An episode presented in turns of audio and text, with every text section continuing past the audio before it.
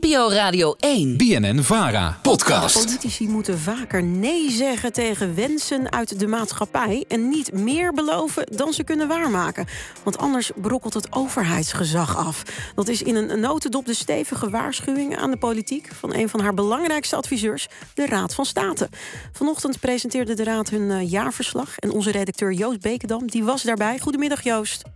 Goedemiddag, Natasja. Nou, dat klinkt fors, zeg. Waarom komt eh, de Raad van State nu met deze waarschuwing? Ja, nee, dat is inderdaad fors. Uh, ze komen eigenlijk ieder jaar komen ze met een jaarverslag en daar zit ook altijd een soort beschouwing bij, heet dat dan officieel. Dus dat is eigenlijk een soort analyse van hoe het gaat in de politiek, wat er misloopt. En uh, nou, eigenlijk door de jaren heen proef je ook wel een wat somberder wordende toon. En uh, dit keer hebben ze gekeken naar ja, waarom is de slagkracht, zoals zij het noemen, van de overheid. Dus waar, uh, de, uh, waarom krijgen ze op een aantal dossiers zo weinig voor elkaar? Mm. dat was eigenlijk een hoofdvraag en daar hebben ze een antwoord op proberen te vinden. Aha. Nou vroeg jij vicevoorzitter Tom de Graaf vanochtend of we inderdaad te veel vragen van de overheid. En dit zei hij daarover. Nou, we zien dat er nog steeds heel veel beloftes worden gedaan. Politiek, de overheid dat er veel verwachtingen worden gewekt bij burgers... maar dat in de praktijk het steeds moeilijker wordt voor de overheid om te presteren. En dus als je overbelooft en onderpresteert... is dat aanmerkelijk slechter dan dat je wat minder belooft en meer presteert. Oké, Joost, ik, ik, wil het toch even duidelijk hebben hoor. Is de graafsboodschap, we willen inderdaad te veel van de overheid? Nou, eigenlijk wel. Hè. De, de uitspraak niet alles kan werd aangehaald. Die kennen we nog een beetje van, van Johan Remkes. Die ja. Bij stikstof het advies gaf niet alles kan.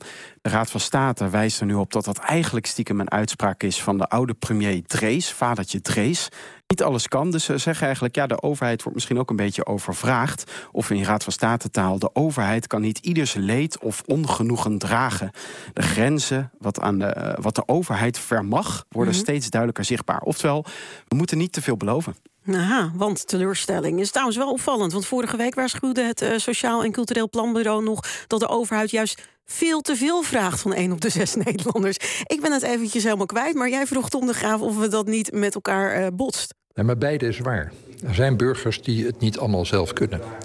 Uh, en dat roept nou juist de vraag op: waar kiest dan de overheid voor? Waar kun je wel helpen, waar kun je dat niet? Als we zien dat de jeugdzorg en de jeugdhulpverlening overbelast is en dat het niet lukt om de doelen daadwerkelijk te realiseren, moet je dus kiezen. Wie wil je nou, wat zijn nou de belangrijkste dingen die je wel moet doen, die je in ieder geval ook goed kan doen?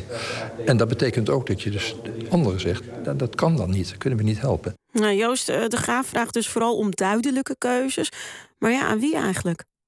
Ja, nou aan de politiek. Hè? Want uh, uh, nou ja, aan de ene kant uh, moet de politiek dus keuzes maken, volgens de graaf.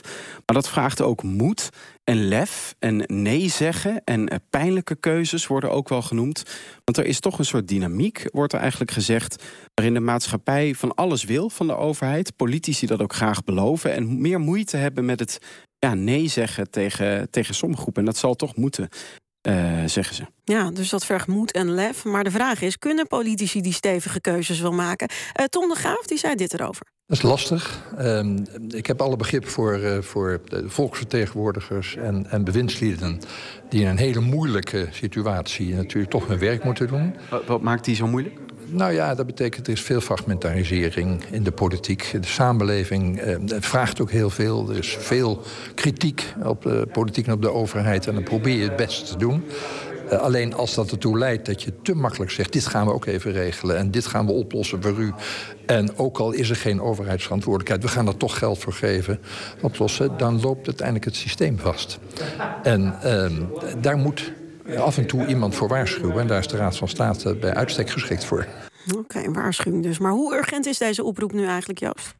Nou ja, dan loopt het systeem vast, je hoort het al. Dus het gaat er ook over, ja, wil, creëert de overheid niet ook te veel zijn eigen uh, teleurstelling... als ze heel veel prachtige verwachtingen scheppen. Mm -hmm. uh, terwijl er eigenlijk te weinig mensen voor zijn, te weinig geld. Uh, eigenlijk in de uitvoering, hè, wat we de laatste jaren steeds vaker zien, ook allerlei dingen in de knel komen.